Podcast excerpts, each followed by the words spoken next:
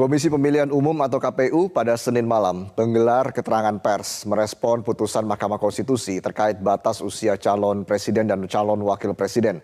KPU akan mengkaji amar putusan MK. Ketua KPU Hashim Asyari menyatakan akan melakukan penyesuaian norma di dalam peraturan KPU nomor 19 tahun 2023 tentang pendaftaran capres dan cawapres.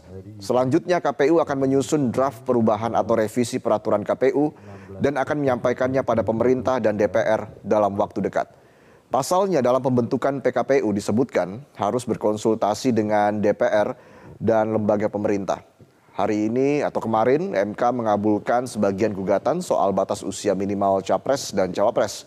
Seorang yang pernah atau sedang menjadi kepala daerah bisa menjadi capres atau cawapres?